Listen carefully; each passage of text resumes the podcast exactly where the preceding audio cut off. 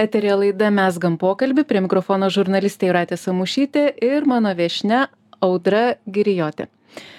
E, su kuria šiandien mėgsim pokalbį apie maistą, mytybą ir sveikatą, nes Audra yra integralios mytybos mokytoja, kuri veda už rankos pasimetusius šimtų, o gal tūkstančių mytybos teorijų brūzgynuose. Ar taip pasakiau? Ar? Koks gražus pristatymas, ačiū labai, Juratė. Ir dar audra kelis dešimtmečius dirbo žurnaliste ir aš norėjau paklausti, kodėl staiga nuo žurnalistikos prie mytybos ir sveikatos? Tai tik porą dešimtmečių. Mes, aišku, turbūt abi pradėjom nuo paauglystės dirbti žurnalistikoje, tai tų dešimtmečių susidarė porą, bet nebuvo jų labai daug ir čia nėra staigus toks pokytis, nes kai baigėm mokyklą, turbūt daug kas turėjom tokių įsivaizdavimų, kuo galėtumėm, norėtumėm būti ne vieną. Tai man buvo, kad aš norėjau tris dalykus gyvenime daryti. Norėjau būti rašytoja, norėjau būti psichologė ir norėjau daugiau žinoti ir suprasti apie augalų biocheminės savybės, tiek maistinės, tiek vaistinės. Ir norėjau stoti šitas tris specialybės. Tiesiog padaviau visas ten tos prašymus, bet e, buvau pasirinkus farmaciją, galvojau, kad apie augalus bus daugiausia ten. Dabar turbūt rinkčiausi biochemiją, bet paskui pasirinkau kitas studijas. Tai čia toksai nuoseklus ėjimas. O dar labai padėjo, kad dirbdama žurnalistinį darbą labai išsekau, pervargau, perdegiau ir išryškėjo autoimuniniai sutrikimai kurie tiesiog nieko nebeleido daryt daugiau ir privertė domėtis mityba sveikata tada reikėjo kažkaip daugiau išmokti ir kai išmokau truputį ir kai pradėjau mokytis tiksliau nes čia išmokt ne ne nėra pabaigos tada norėjosi dalintis mhm. ir tada apie mokslus jūs užsiminėt e, kad mokėtės pradėjot domėtis ir aš žinau kad jūs baigėte integralios mitybos sveikatos mokytojo programą integralios mitybos institute, ar ne? Taip. Kodėl e, pasirinkot būtent šią mokyklą, būtent šią kryptį, kas tai per kryptis apskritai? Tai čia yra Junktinės Amerikos valstijose tokia mokykla, jinai vadinasi institutas, bet jinai nėra akademinė. Tai tiesiog yra mokykla, jinai veikia vadinama jinai seniausia Amerikoje veikiančia sveikatos mokytojų arba coacherių mokykla, 30 metų veikia jau man buvo svarbu sužinoti apie maistą nes aš nežinojau prieš dešimt metų kai susirgau nežinojau ką valgyti. Nu tiesiog tu pradedi skaityti tarkim apie kopūstus ir supranti kad kopūstai yra gerai ar ne? Bet daliai žmonių yra blogai nes yra ten medžiagų pavyzdžiui su skydliauke turintiems problemų žmonėms yra tam tikrų medžiagų kurių gal reikėtų vengti. Ir man norėjos tokio sisteminio ne straipsnio apie kažkokias medžiagas bet sisteminio žinojimo rinkausi iš kelių tokių programų bandžiau vilniuj žiūrėti sveikatos ten dietetikos visas tokias studijas bet supratau kad ne. Ir ten buvo nuostabu nuostabi ta programa tuo ne tik tuo kad jinai yra sena ir patikrinta ir kad yra tūkstančiai žmonių kurie jau ją baigė ir aš galiu paskaityti pažiūrėti ką jie veikia ir man jie atrodo labai įdomūs žmonės įdomiai dirbantys bet man patiko labai įkūrėjas šitos programos tai yra toks džoša rozentalis jis yra holokaustą išgyvenusios šeimos sūnus jis turi tokį ne neįtikėtinai atvirą požiūrį į maistą į maisto mokslą ir suorganizavęs buvo tą programą taip kad tu tu pamatai įvairovę tos maisto mokslo įvairių teorijų mitybos strategijų ir tavęs neišmoko vat ką tu turi sakyti žmonėms ne bet išmoko to atvirumo matymo klausymo ir suteikia tokių žinių kur tu po to gali tiesiog mokytis toliau ir domėtis ką ką aš toliau ir darau E, integralios mytybos mokytoja arba paprasčiau sveikatos gidė, galima tai pavadinti? Ten yra tas sertifikatas, kurį mes gavom, jis yra patvirtintas New Yorko valstijos švietimo departamento, jis yra um, Integrative Nutrition Health Coach, tai integralios mytybos sveikatos gidas, bet aš ką darau daugiausia, tai aš dirbu mokytoja, tai aš darau du dalykus, tai aš skaitau paskaitas, tokias, į kurias galite įti visi klausyti jas, nes tai yra video paskaitos arba darau privačias pamokas. Tai čia panašiai kaip pavyzdžiui kaip kalbos jeigu mokytumėtės. Pavyzdžiui norit išmokt japonų kalbos tai jūs galit tiesiog patys sėdėti ir mokytis bet galite turėti mokytoją kuris duoda namų darbus ten tikrina juos ten pasako kokios yra gramatikos taisyklės kaip būna kalbasi su jumis tiesiog palaiko ūpą kai ateina ta mintis kad nereikia tos japonų kalbos čia per sunku pavyzdžiui. Tai dar tokius dalykus darau. Bet integrali tai tas žodis reiškia kad į mitybą žiūrima kaip į sudėtinį tokį veiksmą kad tai yra ne tik maistas labai svarbu miegas labai svarbu žmonių santykiai. Um, džoša rozentalis sakydavo tokį juokelį visą laiką kad tu gali suvalgyti visus pasaulio kopūstus bet jeigu tavo santykiai su žmonėmis yra blogi jeigu tau darbe yra negera jeigu tu dvasiškai jautiesi užstrigęs nematai prasmės gyvenime nemiegi naktimis pavyzdžiui tai tie kopūstai gali tau nelabai ir padėti. Tai tas toks bendras požiūris į sveikatą jisai ir yra tos integralios mitybos mokyklos pagrindas. Tai ką jūs e, kviečiat ir kas galėtų kreiptis į jūs, tarkim, asmeniškai, kad, kad padėtumėt tam žmogui? Čia toks labai sudėtingas klausimas. Taip, jeigu atvirai, tai visai kiti žmonės, dirbu su visai kitokiais žmonėmis, negu galvojau, kad dirbsiu. Nes kai pradėjau keturioliktais penkioliktais šešioliktais septynioliktais pati ieškojau visokių atsakymų aštuonioliktais devynioliktais mokiausi ir jau paskui dvidešimtais dvidešim pirmais pradėjau truputį skaityt tas paskaitas iš pradžių bibliotekose nemokamai. Labiausiai norėjau padėti moterims kurioms yra daugiau negu septyniasdešimt. Man atrodo čia yra pati pati labiausiai kenčianti žmonių grupė lietuvoj. Labai labai daug davusios ir labai sunkių sveikatos problemų turinčios am, galbūt neįvertintos moteris, kur, nu, neteisybė, neteisybė, kad tau yra tiek metų ir, ir, ir tu galvoji, kad tai yra kai tu negali troleibusą įlipti. Taip neturi būti. Ir man atrodo, kad nu, va čia dabar aš eisiu prie, prie, prie žmonių ir pasakosiu, kaip čia reikia keisti mytybą, kaip čia viskas yra įmanoma, kaip tos širdies kruotokos lygos gali būti pakeistos, kaip diabetas gali būti atsuktas atgal. Ir po to aš supratau, kad ne, ne negaliu to daryti. Ir mano pagrindiniai mokiniai dabar tie žmonės kurie ateina arba į paskaitas arba privačiai į privačias pamokas tai yra jauni vyrai ir jaunos moterys. Čia yra paradoksas bet kodėl taip yra man iš pradžių buvo atrodė tai kaip čia taip negerai nes tada aš labiausiai joms noriu padėt nes aš matau jose savo mamą ir man norisi vat nu vat čia aš maniau kad čia bus mano vat prasmė darbo. Bet o čia yra jauni žmonės bet aš galvoju taip tai yra jauni žmonės kurie dabar jau rūpinasi savo sveikata. Jie irgi bus septyniasdešimtmečiai ir jie tai aš spėju kad būtent dėl to kad jie mato savo tėvus mamas močiutes senelius turinčius tiek sveikatos problemų jie nenori kad taip gyventi. Ir jie dabar imasi priemonių mokosi tos mitybos keičia savo gyvenimo būdą ir čia reikia tik dėkoti jiems kad kad jie ateina. O tai pavyzdžiui septyniasdešimt metų nėra jau per vėlu kreiptis ne ne ne. Ne tai pf, yra žmonių kurie yra moterų kurios sulaukusios aštuoniasdešimties pradeda svar, svarmenis kilnoti raumenys nežino amžiaus. Jeigu tu dirbi su jais tai jie jie ir auga ir ir padeda tau. Lygiai tas pats su mityba. Tavo vienas jau geriu geresnio maisto patiekalas jau gerina tavo sveikatą. Tu gali atsukti daug labai tų vadinamų chroniškų ligų kurias žmonės visai be reikalo sieja su amžiumi pakeitęs mitybą. Tiktai kodėl aš galiu pasakyti kodėl man man atrodo nepavyko nu vat tų žmonių pasiekti kur aš maniau kad aš juos pirmiausiai noriu pasiekti tai dėl to kad mityba yra sudėtingas dalykas tai yra tapatybės dalis ypač moterų. Tai yra meilės raiškos dalis.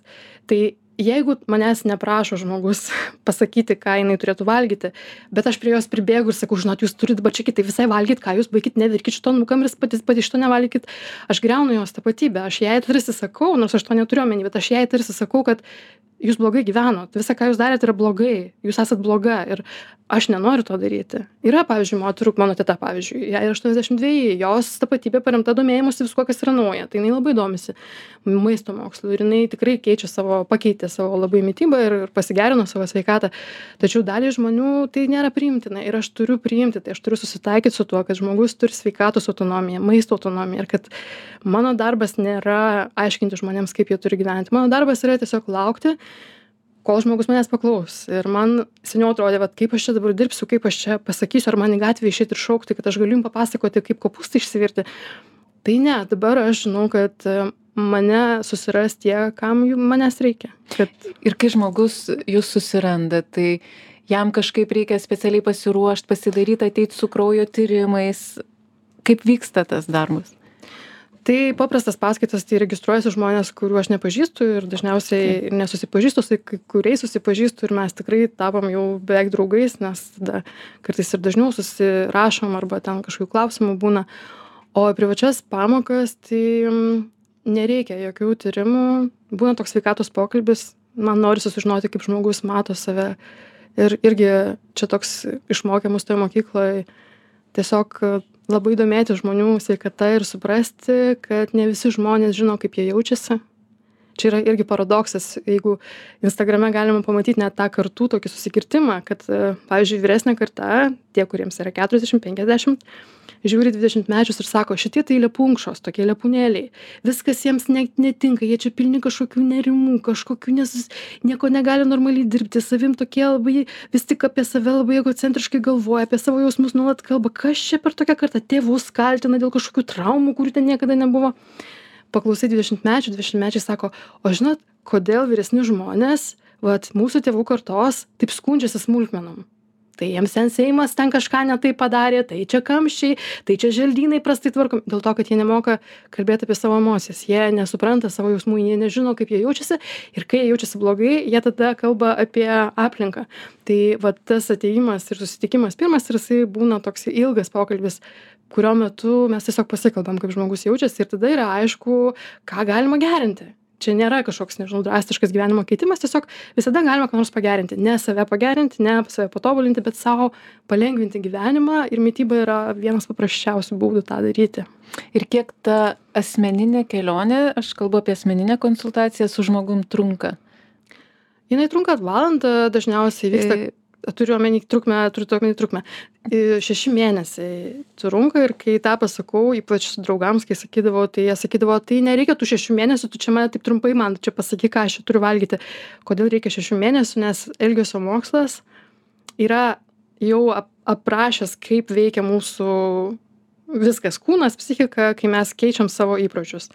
Mes čia ne apie žinias kalbam nes žinoti kad reikia valgyti daugiau daržovių gerti daug vandens sportuoti ir gerai miegoti tai žino visi. Bet tai yra praktiniai maži dalykai kuriuos mes išmokstam daryti kurių mes paprastai nedarom. Žmogus klausia ar jis valgo daržovių? Jo jisai valgo. Per dvi savaites jisai suvalgė ten pomidorą. E, kaip padaryti taip kad tu kasdien valgytum ten nežinau dvylika dvylikos rūšių daržovių? Tie pasikeitimai jie ateina per laiką. Ir yra stadijos yra stadija kai tu dar nesiruoši nieko keisti kai tu ruošiesi galvoji bet dar nieko nekeiti kai pradedi keisti kai jau keiti ir tada yra dar toks etapas kai tu išlaikai tą kaitą. Tai tas mažiausiai užima kei keitimo ir išlaikymo šešis mėnesius. Jeigu tu išlaikai tą šešis mėnesius tu jau turi naują įprotį o naujas įprotis virsta nauju gyvenimo būdu o naujas gyvenimo būdas duoda geresnę gyvenimo kokybę. O kas sutrukdo kokios kliūtys kokios priežastys e, išlaikyti tą šešių mėnesių pradžiai tempą o paskui jau ir ir visą likusį galbūt gyvenimą. Aš pasakysiu kaip iš pradžių aš galvojau aš galvojau kad geriausiai veikia baimė nes aš mačiau aplink save kad labiausiai žmonės gyvenimą keičia kai atsiduria kritinėj situacijoj. Kai atsiduria prieš būsenoj prieš labai sudėtingą jau dalyką prieš prieš mirtinėj būsenoj ane ir tada gydytojas jeigu laiku jiems pasako pakeiskit mitybą jie pakeičia mitybą. Bet dabar aš nebemanau taip kad baimė yra geriausias tas padėjėjas. Aš manau kad džiaugsmas yra geriausias. Kas žmonėms labiausiai kliudo tai įsivaizdavimas kad yra labai sunku. Nes jie taip įsivaizduoja nes reikės keisti įpročius ir bet koks įpročio keitimas kadangi mūsų devyniasdešim procentų minčių yra tos pačios ir tos pačios atrodo kad tai reikalaus didelių pastangų tai yra klaidingas įsivaizdavimas. Antras kas labiausiai trukdo tai yra nuovargis chroniškas nuovargis kurį šiandien jaučia daugybė žmonių ir jaučia būtent dėl tų lėtinių uždegimų kurių didelė dalis vyksta dėl prastos mitybos. Na aišku dar ten stresas nemiegojimas visi kiti dalykai bet dėl to kad žmogus blogai jaučiasi jis neturi jėgų galvoti kad jis galėtų jaustis geriau ir neturi jėgų matyti kaip jis galėtų geriau jaustis. Dėl to tie mokytojai gali būti naudingi nes jie tau parodo kaip jie kaip tu galėtum jaustis pabandymas ir pasikeitimai kurie yra gana greiti didelei daliai žmonių būna toks užtvirtinimas kad tai įmanoma padaryti. Dar kas labai trukdo tai įsikalbėti vaidmenis ir nemeilė sau ypač moterims. Dalis moterų tiesiog nu jos ne neleidžia sau jaustis gerai nes tas jautimasis blogai kartais yra kompensacija kartais kartais yra kažkokie kaltės. Nu tiesiog yra blokai kurie neleidžia tau jaustis gerai nes vos ne tavo tapatybės dalis irgi yra tu dėmesį galbūt kažkokį gauni kai tu jautiesi blogai arba kaip tik save suvoki kaip visada besiaukojančią visada tik dėl kitų gyvenančią. Ir dabar tu staiga pradėsi savim rūpintis nu tai čia išsišokimas kažkoks. Tai tokie sakau visiškai ne ne tie dalykai kurie kad žmonės galvoja kad trukdo. Tikrai ne maisto stoka arba kaip ten baltymų trūkumas ar ne? Kažkas pritrūko baltymų nusibaigė ir tada pradėjo.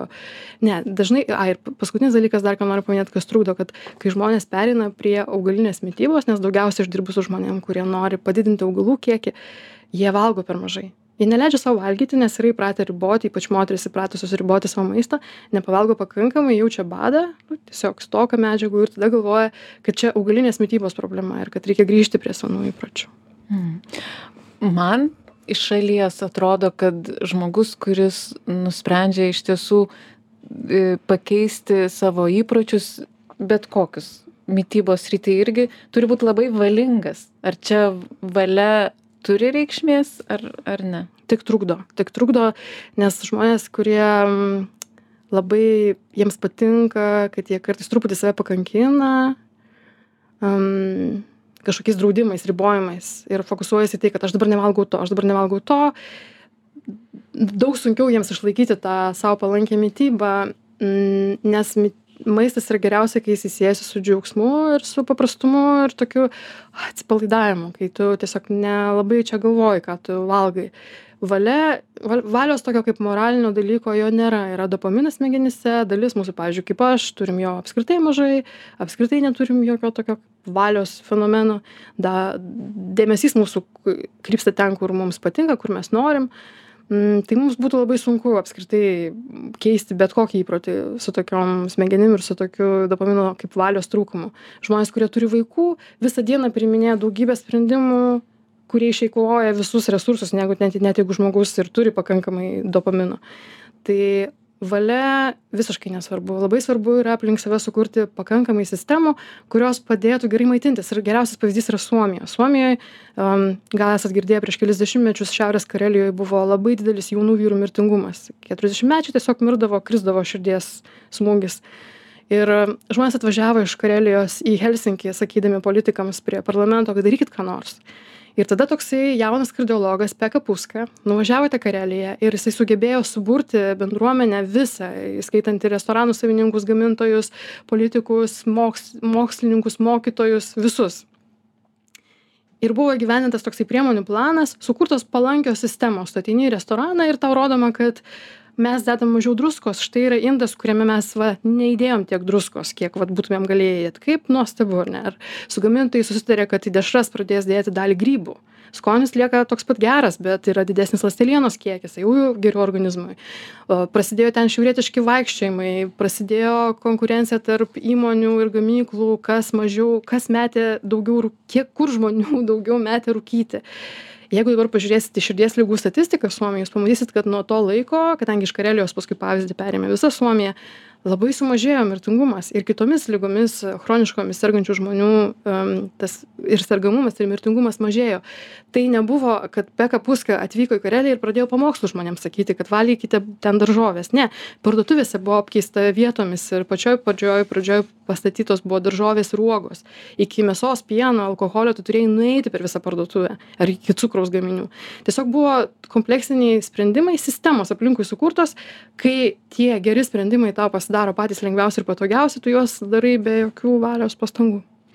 Jūs jau užsiminėt, kad konsultuojat daugiausiai ir orientuojatės į tuos žmonės, kurie nori rinktis daugiau augalų. Aš noriu klausti, ar, ar sveika mytyba tolygi e, veganiniai mytybai? Mm, aš tai žiūriu taip, kad veganizmas tai yra ideologija. Tarkim, aš esu veganė dėl to, kad nenoriu noriu kuo mažiau skausmo sukelti gyvūnams. Nu ir žmonėms irgi bet gyvūnams irgi. Bet kai sakom veganas tai mes nežinom ką žmogus valgo. Mes tik žinom ko jis nevalgo. Bet jis gali valgyti batoną su limonadu ir tai bus veganinė mityba. Tai aš orientuojuosi į tą tokį augalinę įvairi tai reiškia kad tu valgai ne vieną kažkokį augalą ar du ir dar spalvinga būtinai nes spalvos tai yra mūsų smegenims ženklas. Mes dėl to ir skiriam spalvas. Mūsų katė kitaip spalvas skiria nes jai augalai neaktualu. Mes skiriam spalvas tai rodo mums smegenims kad mums čia yra naudingų medžiagų. Tai spalvinga žodžiu augalinė įvairi spalvinga.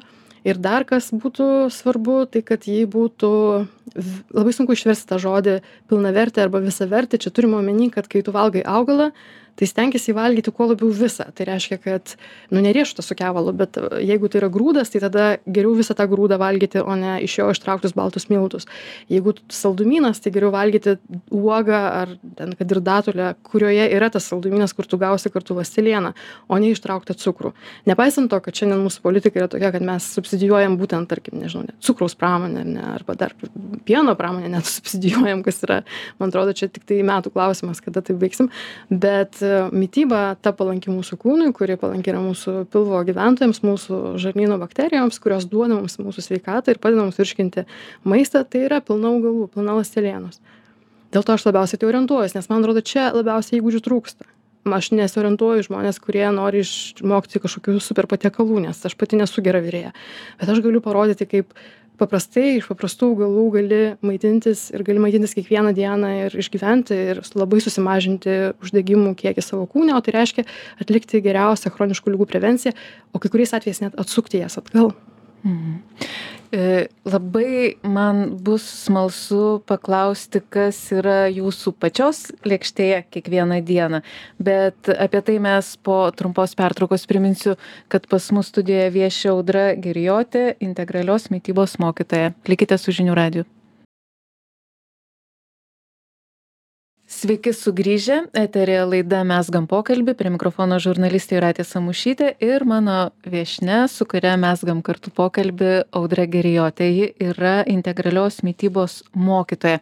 Ir dar aš nepasakiau, kad Audra e, rašo, veda tinklaraštį Audra virtuvėje, kur daliniesi savo e, receptais, patyrimais ir, ir pasakoji visą savo kelią nuo nuo pat, kai pakeitei savo mytybą. Ne? E, ir ten parašyta, kad tu pakankamai griežtai apribojusi man taip atrodo save. Nevalgai kiaušinių nevalgai produktų su glitimu nevalgai gyvulinės kilmės produktų. Tai ką tu valgai? Taip ir tą tinklaraštį jis yra be glitimo taškas wordpress kom aš pradėjau rašyti nes mano mama bijojo to paties jinai kažkaip sakė nu tu dabar jau nieko nebevalgai. Šiaip man pasisekė aš užaugau šeimoj kur niekas nieko nevertė valgyt nieko. Ir man mama dažnai darydavo atskirai valgyti nes aš mėsos nelabai šiaip mėgau bet kai jau nustojau valgyti miltus kurie man tiesiog aš negaliu valgyti gliuteno tai jinai tikrai išsigando. Ir tada aš tiesiog pradėjau rašyti tinklaraštį jai kad jinai namie būdama pasižiūrėtų ką aš valgau. O po to iš to dar pasidarė ir tas feisbuko puslapis audra virtuvėje. Ne dėl to kad aš mėgstu gaminti bet dėl to kad aš tuo metu gyvenau virtuvėj šešių kvadratų bute kuris buvo įrengtas virtuvei tai nebuvo realios virtuvės ten tuo metu ką dariau. Tai tai ta mityba jeigu aš žiūrėčiau ją kaip į apribojimą tai būtų pirmas dalykas ką aš padaryčiau po mūsų pokalbio tai aš nueičiau ir prisipirkčiau visko ką aš save riboju kuo aš save riboju. Man aš nevalgau nevalgomų dalykų. Aš nevalgau gyvūnų nes jie yra mano draugai. Jūs pavyzdžiui irgi nevalgote kačių arba šunų savo. Nu nes jie tiesiog yra jūsų draugai ir jie jaučia ir tada kažkaip nesinori jų valgyti. O gliuteno kai aš pavalgau gliuteno kas pavyzdžiui neseniai atsitiko netyčia kavinėj kuri reklamuoja begliutenius neva kepinius. Ir aš tikrai ne nekaltinu verslininkų nes jie kartais nelabai suvokia kas tai yra tas begliuteniškumas tai aš iškrentu mėnesiui. Mano smegenys yra visiškam rūke man skauda sąnarius man negera aš negaliu dirbti nieko negaliu daryti. Tai aš į maistą kuriame yra gliuteno nežiūriu kaip į maistą. Tai man tiesiog yra kaip cementas kitiems.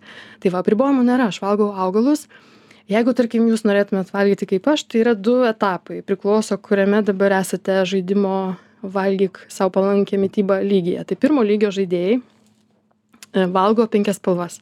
Tai reiškia kad jūs galit valgyt bet ką bet kiekvieną kartą kai valgot pusryčiai pietūs vakarienė lėkštėj mūsų turi būti penkios spalvos augalų. Tai reiškia ne dažikliai bet penkių spalvų augalai. Ir jeigu mes pavyzdžiui nelabai kartais taip kreipiam dėmesį yra patogu labai fotografuoti ir matysis tada geriau kokių spalvų mums trūkta trūksta. Pavyzdžiui man dažnai trūksta žalios. Ir kai aš pamatau kad trūksta žalios aš įsidedu tos žalios ne dėl to kad noriu šiuo metu ten kokios nors rukolos ar ten kopūsto dėl to kad trūksta spalvos.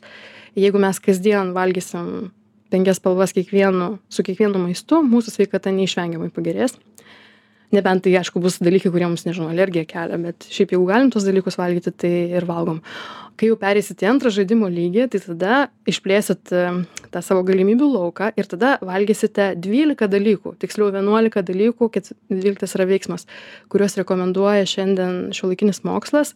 Tuos rekomendacijas iš daugybės mokslinių darbų nuolatos juos sekantis ir apibendrinantis gydytojas e, maiklas grėgeris yra vat sudėjęs tokį dvyliktuką.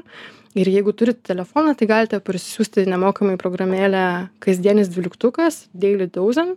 Ir ten pažiūrėsite kiek ko rekomenduojama kokių augalų grupių suvalgyti kasdien. Ne apskritai bet kasdien. Pavyzdžiui moterys kasdien turėtų valgyti uogas. Tai yra geriausia smegenų mm, silpnėjimo prevencija moterims. Mes tiesiog dėl savo fiziologijos prarandam labai daug medžiagų ir mes turim kasdien valgyti uogas. Tai va, tai kai suvalgai tą 12 dalykų per dieną, ar ten 11, tai tu gali valgyti visą ką kitą, ką tu nori šalia, bet jeigu tuos sugebi suvalgyti, tai jau ir garantuoji savo labai smarkiai stiprią prevenciją chroniškų lygų. Tai aš taip ir valgau. Bet man skamba pakankamai. Mm, ar, ar ta vat, sveika augalinė mytyba nėra per brangiai kainuojanti pavyzdžiui žiemą kur rasti ten tų penkių spalvų augalų Taip, aš kažkaip atsinešiau čia to maisto, bet jis dabar nukrito, tai nebepaimsiu. Žodžiu, labai žemai nukritęs. Penkios spalvos. Tai yra geltona, žalia, raudona. Tai yra mūsų vėliava. Tada yra balta ir tada visos tamsios. Tai yra ruda, violetinė. Tai jeigu kasdien mes valgom uogų, kurių galim turėti šaldiklį, galim nusipirkti arba užsišaldyti vasarą prisirinkę, tai jau mes bet turėsim bent jau vieną iš tų spalvų. Raudona. Taip, arba, mė, arba violetinė, mėlynės, pavyzdžiui. Žalios spalvos. Šiandien gyvenant, e, nerasti žalios spalvos žiemą, nu, nėra taip. Nu, yra, žiemą vis tiek mes turim. Mes ne, nevalgom vien tik tai, nežinau, džiovintus obolius žiemą. Uh, kokios dar spalvos? Geltona raudona visų tų spalvų mes galim rasti. Um, raudoni lęšiai jie sausi lygiai tokia tokias pat spalvas turi. Geltoni lęšiai irgi žali lęšiai irgi yra. Žodžiu kodėl tos spalvos yra svarbu kodėl jos yra mums signalas apie tai kad tai yra palankios mums mums medžiagos ten. Nes mes išsivystėm kartu šalia su tais augalais ir dėl to kad mes juos valgėm mes gyvenom ir dėl to mes ir toliau galim sėkmingai gyventi jeigu juos valgom. Mes neišsivystėm valgydami šiuolaikinį pramonės sukurtą maistą. Jis yra jis yra egzistuoja ir mes jį valgom ir daugelis va ir gyvi esam. Bet kad amortizuotumėm žalą kurią mums daro maistas kurį mes sunkiai galim mūsų kūnas sunkiai atpažįsta ir sunkiai pasisavina mes turim valgyt ir tą senovinį maistą ir ten apie tą gėrį mums spalvos signalizuoja. Ir kai mes pradedam matyt per spalvas tą maistą mes tikrai turėsim daug daugiau džiaugsmo mes tada pamatom kad taip valgydami mes neribojam save. Mums ta tada jo pasidaro problema nu vat nėra šiandien violetinės spalvos kas tai galėtų būti rudos nėra nu, gerai aš neturiu šiandien ten mėlynių neturiu baklažano bet pavyzdžiui kas yra rudi vat linų sėmenys yra rudi. Ir linų sėmenys yra labai geras maistas turintis omega trys grikiai yra rudi. Žodžiu tos tom spalvom nėra problemos jeigu pradedi su jom žaisti. Ypač labai gerai paprašyti savo vaikų kad jie būtų maisto inspektoriai. Jie tada uoliai pafotografuos lėkštę ir pasakys kokių spalvų šiandien jums trūksta ir padės jums jų susirinkti. O yra svarbu mm, pirkti norint sveikai maitintis ekologiškus produktus ekologišką maistą. Ar ar nėra taip svarbu nu čia vėl priklauso nuo kurio lygio žaidėjai esam. Aš sakyčiau taip kad žodžiu vakaruose mes taip įpratę mąstyti dviem dviem kryptim. Nesveika nesveika gerai blogai tinka netinka jeigu mes truputį išplėstumėm tą matymą ir labiau matytumėm kūną kaip savo draugą kuris nuolatos stengiasi grįžt į pusiausvyrą. Tai reiškia kad nėra dalykų automatiškai kurie yra vien tiktai geri arba vien tiktai blogi. Ten tarkim nežinau kad ir tos pačios žarnyno bakterijos mes apie jas kalbam kaip apie gerąsias ir blogąsias. Bet pavyzdžiui geroji bakterija jeigu žmogaus žarnynas yra pralaidus o šiandien daugelio mūsų yra pralaidus žarnynas net ir kartais dėl to paties gliuteno per didelio kiekio kuris yra vartojamas ta ž ta ž žarnyno bakterija prasprūdusi pro pralaidų žarnyną į kraują jinai gali nukeliauti pavyzdžiui į inkstus ir tapti visiškai nebegera. Žodžiu tas gėrio blogio tas supratimas toks platesnis kad mums reikia grįžti į pusiausvyrą. Ir tada kai mes bandom vat grįžti į pusiausvyrą tai iš ko mes bandom grįžti? Jeigu mes bandom jeigu šiuo metu mūsų ten kraujo cukrus yra aukštas ir cholesterolis aukštas ir trigliceridai yra aukšti ir mes jaučiamės blogai ir jaučiam nuolatinį chronišką nuovargį ir blogai užmiegam ir refliuksas ir kas tik nori tai vien perėjimas prie labiau augalinės aš nesakau kad būkim visi čia veganai ne visi tą gali ne visi to nori. Tiesiog padauginkim augalų kiekį mityboj ir pažiūrėkim ar nesumažės tos problemos. Tada kai jau padauginsim tą augalų kiekį tada va spalvos tada tie dvylika dvylika tų augalų grupių. Kai tada tą išplėsim ir jau valgysim daugiausia tik augalus tada galim pradėt galvoti tada savaime atsiras tas požiūris kad vat norisi ten nežinau mažiau pesticidų turinčių augalų. Bet kartais mes per daug komplikuojam galvodami čia tas pats perfekcionizmas užstoja mums galimybę geriau gyventi noras gyventi tobulai. Tai jeigu mes šiuo metu negalim turėti daržo ir negalim draugų paprašyti kad leistų pas juos lysvę pasisodinti tai gal tiesiog galim šiuo metu pirkti ar iš turgaus ar iš parduotuvės tos daržoves ir tiesiog kai mums lengvės kai mūsų smegenų rūkas sklaidysis kai mūsų nuovargis chroniškas mažės mes rasim sprendimus kaip rasti to truputį galbūt geresnio ir brangesnio maisto. Bet sakau tas maistas jis nėra brangus. Lęšiai avinžirniai papuolės jos dabar brangsta irgi bet tai nėra kosminiai pinigai. Ir tai yra tikrai atsipirks sutaupymu tų sąnaudų kurios po to išleidžiamos gydantis arba kaip mes vadinam tai gydymu bet iš tikrųjų yra simptomų slopinimas. Ir be to vis tiek kitas maistas jis irgi kainuoja ir ir nemažai. A, kokie būtų jūsų patarimai ar triukai kurie dar žmogui palengvintų žmogui tam kuris nusprendė žengti jau tuo sveikesnės mitybos keliu pavyzdžiui kaip apsipirkti kaip skaityti etiketes galų gale gal yra kažkokie patarimai kaip laikyti maistą kad tu jį matytum ir sveiką tą maistą o ne nu. Taip tai va čia ir yra tas toksai kad be reikalo gal pačioj pradžioj to nepasakiau kad smegenys kaip sužino kokį maistą mes turim. Jos sužino tiktai tai ką mes matom prieš akis ar ne? Dėl to to maisto kurį mes nusipirkom jeigu įmanoma nereiktų slėpt spintelėj tie patys ten avižirniai pupelės papuolės žirniai sausi produktai geriausia juos supilti į stiklinius indus ir sustatyti prieš akis. Tada smegenys registruos kas ten yra ir tada mes nebekelsim klausimo ar mes norim šiandien valgyti lęšių. Mes tiktai klausim kokių lęšių mes šiandien norim valgyti geltonų žalių ar raudonų. Nes yra žmonės kurie turi daugybę tų sausų produktų padėtų spintelėj nes mūsų smegenys registruoja viską kas sudėta maišeliuose spintelėj kaip atsargas juodai dienai. Ir mes laukiam tos juodos dienos tai jos nereikia laukti.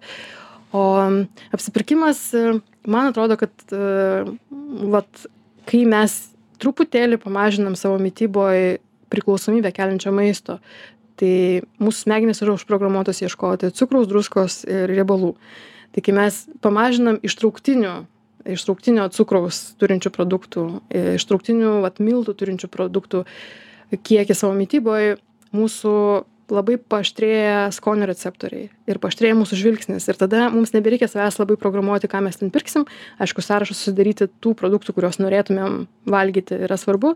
Bet nuėjus mums bus daug lengviau nes mus trauks prie tų dalykų kurie natūraliai mums su smegenim siunčia signalą kur va šitos spalvos mums yra reikalingos ir kas vat dar įdomu kadangi man įdomu yra santykis žmogaus į maistą skirtingomis epochomis ir skirtingose kultūrose. Ir gali pastebėti kad yra skirtingai žiūrima į tuos pačius maisto produktus arba į patį maitinimąsi į sveikimą į gijimą skirtingais etapais. Esu studijavus mokslo technologijų istoriją ir filosofiją ir labai įdomiai atsiskleidžia kai tu matai kaip šiandieninė maisto pramonė bando imituoti sveiką maistą. Pavyzdžiui kaip šiandien mes vyniojam į raudonus geltonus ir ten visokius spalvotus popierėlius daugiausiai cukraus turinčius tai yra didžiausią priklausomybę mums keliančius ir labai sveikatą žalojančius produktus ypač vaikams. Kodėl? Todėl kad mums smegenims tie popieriukai duoda ženklą kad tai yra gerai. Tai yra žalia tai yra raudona tai yra geltona to galim valgyt iki soties nes gamtoj taip yra tu nesuvalgysi per daug vaisių ir nesuvalgysi per daug uogų ir daržovių nes jos turi tiek ląstelienos kad tu tiesiog pasijusi pilnas ir nebevalgysi daugiau. Šitie produktai nauji modernūs jie neturi tos stabdančios medžiagos ir dėl to mums vystosi ligos nes mes valgom maistą kuriam mes neturim reguliacinių mechanizmų kūne. Ir mūsų kūnas jisai niekada nėra priešas ir čia man atrodo kas dar labai paaiškėja bent ką aš matau iš savo mokinių ypač tų žmonių kurie tarkim kaip ir aš turiu viršsvorį mes esam gi įpratę savo kultūroj sieti viršsvorį su persivalgymu kai yra visiškai priešingai daugybė žmonių kurie turi viršsvorį badauja. Tai reiškia arba žmogus valgo ne maistą tai reiškia jis valgo kažkokias medžiagas kurios neturi maistinių medžiagų. Ten maistinių medžiagų nėra ten yra kažkoks turinys nu pavyzdžiui krakmolas kažkoks kuris nelabai daug ką duoda kūnui. Bet žmogui dažnai trūksta medžiagų ir tada kūnas kuris visada yra draugas o ne priešas jisai bando jausdamas badą ar bado grėsmę jisai bando konservuoti energiją riebalų pavidalu. Arba pavyzdžiui žmogui dėl prastos mitybos trūksta vitamino b devyni kuris reikalingas praktiškai kiekvienai ląstelei. Jeigu jo trūksta taip ne nes nevyksta procesai toksinai nepasišalina jie gali būti vyniojami į riebalus ir dedami kuo toliau nuo žmogaus gyvybinių organų nuo smegenų ir širdies. Ar žmogus vaikšto su su viršsvoriu galvodamas kad jis neturi valios arba ji ypač ji ne nemoka ten valgyti nesusitvarko ten per daug valgo kai iš tikrųjų žmogus patiria badą tai man labai įdomu matyti kaip tarskim tarkim skirtingose šalyse net ir šiuolaikinėj toj visuomenėj skiriasi požiūris pavyzdžiui į maistą ten nežinau korėjoj arba pas mus arba amerikoj tu gali matyti palankius dalykus nepalankius. Aš manau kad mes esam maždaug per vidurį nesam blogiausioj situacijoj. Mūsų požiūris į maistą nėra toks visiškai nu visiškai išplautas kaip kai kuriose šalyse bet jis nėra ir ir toks kur daugiau valgoma to tokio natūralesnio maisto ir kur nežinau pavyzdžiui korėjoj valgomos iki šiol varnalėšų šaknys kaip skanumynas. O čia aš beveik nesutinku žmonių kurie žinotų kad apskritai galima varnalėšas valgyti. Kaip tik ir norėjau klausti kokios šalies e, virtuvė ar mitybos e, principai jums yra patys artimiausi įkvepiantys labiausiai? Man labiausiai patinka e, lietuviška fusion virtuvė. Tai reiškia kai imi tai kas auga čia ir ką mūsų žarnyno bakterijos labiausiai atpažįsta ir iš to darai bele ką tai yra darai supranti kad maistas yra laisvė ir maistas yra nepriklausomybė ir išmokimas daryti valgyti iš paprastų produktų garantuoja tau tą pamatinę nepriklausomybę ir tada matai kad tu gali pasidaryti viską kas daroma ten kitose šalyse. Man gal skaniausia jo yra korėjiečių virtuvė bet ne ne ta pasaulietinė bet budistinė kuri yra ne tokia aštri ir ten nėra mėsos nes šiandieninė korėjiečių virtuvė yra didelė didelę įtaką daro amerikiečių virtuvė. Ir ten yra daug labai tokių keistų visai patiekalų bet tas vat budistų šventyklose arba vienuolynuose esantis maistas kuris yra visada bus penkių spalvų visada. Ir bus valgoma daug dalykų vienu metu. Tai yra nebus kad vat vienas patiekalas ir viskas sumaišyta bet tu ten labai ryškiai matysi spalvas labai ryškiai skirsis skoniai ir žmonės kalbės apie tuos skonius ir grožėsis suderinamumu ten sūraus su saldžiu arba kartaus su tuo tokiu umami japonų kalba vadinamo to skonio ir žmonių matymas maisto pirmiausia žiūrėjimas grožėjimasis juo dėkojimas už jį ir suvokimas jo vertės jisai man atrodo kaip tik dar padeda tam taip kaip tu tą maistą sugebi įsisavinti kaip tavo kūnas gali jį panaudoti. Kaip jūs galvojat kas turėtų duoti pradžią ir tą supratimą apie teisingą sveiką mitybą apie maisto ir sveikatos sąsajas? Tėvai turėtų įdiegti mokyklose turėtų vykti paskaitos gydytojas turėtų užsiminti nuėjus pas jį dėl vienokios ar kitokios problemos? Gydytojai neturi laiko labai turi mažą vizito laiką be to jie patys mm, dabar tiktai man atrodo pradeda didėti dėmesys pačiam gydytojų išsilavinime maistui. Tarkim kodėl aš pradėjau daugiau domėtis ir skaityti mokslinius tyrimus ir ir ten eiti visokius mitybos kursus dėl to kad aš klausiau savo gydytojo kai man buvo ta autoimuninės ligos krizė ką man valgyti ir gydytojas sakė neturi maistas reikšmės. Vat jūros gėrybių tai nevalgyk o visa kita tai gali. Aš esu kurį laiką bibliotekose skaičius viešas paskaitas kur ateidavo žmonės tiesiog kurie domisi mityba bet nu nėra kad labai ten daug labai skaitytų apie ją bet televizorių žiūri. Beveik kiekvienoj mm, paskaitoj man sakydavo bet vat gydytojas marcinkevičius sakė kad jokio skirtumo ką valgai ir visai čia nepriklauso cholesterolio kiekis. Tai aš sakydavau taip aš pati kalbėjau su gydytoju marcinkevičium ir kaip kardiologas jisai turi ką kita omeny. Visų pirma žodžiu e, su čia čia apie gydytojus kad ne negalim iš jų tikėtis kad jie bus atsakingi už mūsų sveikatą. Jie atsakingi už gydymą ir jie puikiai tą daro profesionaliai o už sveikatą atsakingi mes. Tai aš galiu nežinau kas kaip ką turėtų nuo ko pradėti bet faktas kad chroniškos ligos kuriomis mes kurios išryškėja kai mums keturiasdešimt ir mum atrodo aš nebegaliu nu žinai toks amžius čia yra ligos kurios prasidėjo kai mes buvom vaikai paaugliai. Tai reiškia kad mityba vaikų yra labai labai svarbi. Labai svarbi bet ne visiems pasiseka gimti ten, kur tau duodamas maistas palankus tavo sveikatai. Tai aš manau, kad mes kai kurie iš mūsų anksčiau ir vėliau, ne, taip, dauguma iš mūsų anksčiau ir vėliau pradėsim maitintis palankiai savo sveikatai, tik tai ar tai vyks prieš krizę, ar tai vyks po krizės, kaip man, ar tai vyks tiesiog dėl to, kad faina ir įdomu ir visai įdomu būtų pabandyti, čia priklauso nuo mūsų tai aš įsivaizduoju kad tarkim po dešimties metų situacija bus visiškai kita. Mes nebesubsidijuosime gyvulininkystės produktų nesubsidijuosim cukraus. Turėsim visiškai kitą kompoziciją kai nueisim į virtuvę. Mm, visai kitas bus mūsų šaldytuvo turinys visai kiti bus patiekalai kuriuos mes laikysim savo nacionaliniais ir kita bus sveikata. Man taip atrodo nu nes tiesiog man atrodo internetas suteikia tokias galimybes mokytis ir ta karta kuri dabar yra dvidešimtmečiai jie dėl įvairių priežasčių man atrodo sąmoningiau žiūri į savo pasirinkimus. Ir ir ta visuomenė kuri kurioje gyvensis bus labai daug pasipriešinimo kaip dabar kailininkai negali priimti tos tikrovės kad ne mums nebereikia kailių fermų. Taip ir pienininkai negalės tos tikrovės ilgai priimti bet bet tos permainos jos ateis. Tai jau artėjant link pabaigos bet dar ne pati pabaiga. Tai kokie būtų pagrindiniai tos integralios mitybos principai, nes, kaip minėjot pradžioje laidos, kad integrali mityba apima daug dalykų ir polisį, ir, ir miegą, ir bendravimą. Tai jeigu reikėtų išvardinti pagrindinius dalykus. Tai integrali mytyba, jinai apima daug dalykų, jinai tiesiog yra toksai bendras suvokimas, kad mūsų savijauta, sveikata, o sveikata yra ne tik lygų nebuvimas, bet apskritai gera savijauta jinai priklausys ne tik nuo maisto. Bet aš daugiausiai dirbu kaip mokytoja būtent su maistu dėl to kad čia yra mano kompetencijos. Bet ką pastebėjau kad žmonės su kuriais dirbu arba kurie ateina į paskaitas labai dažnai e, ne tik tai kad jie turi savo gydytojus su kuriais jie konsultuojasi kaip su medikais nes mano pasiruošimas aš nesu medikė aš neturiu klinikinės praktikos aš neteikiu medicininių patarimų nediagnozuoju. Jeigu dietologas tarkim nustatytų ko jums trūksta ir kaip jūs turėtumėt maitintis o dietetikas jums sustatytų galbūt e, valgiaraštį ką jūs turėtumėt valgyti tai aš padedu žmonėms kurie jau žino ko jie nori tik nežino kaip arba bando bet nelabai išeina tai tas e, žiūrėjimas į tą maistą kaipo į labai stiprų veiksnį yra mano įnašas į tų žmonių gyvenimus nes kaip yra? Taip kaip mes jaučiamės priklauso taip labai apibendrinus nuo trijų dalykų. Tai pirmas yra maistas antras yra stresas bet čia įtraukiant ir miego trūkumą ir visą visą visokį stresą kurį mes patiriam kartu ir istorines traumas kurių kurias mes nešam nes mūsų tėvų karta neturėjo terapeutų dažniausiai ir nieko neišveikė tų emocinių traumų. Tai antras yra stresas. O trečias trečias yra tarša. Bet visa tarša. Ir maiste tarša ir ore. Tai iš visų tų trijų sričių lengviausiai sutvarkomas yra maistas. Jis lengviausiai yra pakeičiamas. Gali per savaitę pakeisti gali pamažu ten įvedinėti tuos augalus. Čia pasirinkimas tempo priklauso nuo kiekvieno žmogaus. Tai tas pagrindinis dalykas pabandyti tiesiog valgyti tas penkias spalvas. Man atrodo nuo to yra lengviausia pradėti žaisti su tom spalvom prašyti pagalbos artimųjų.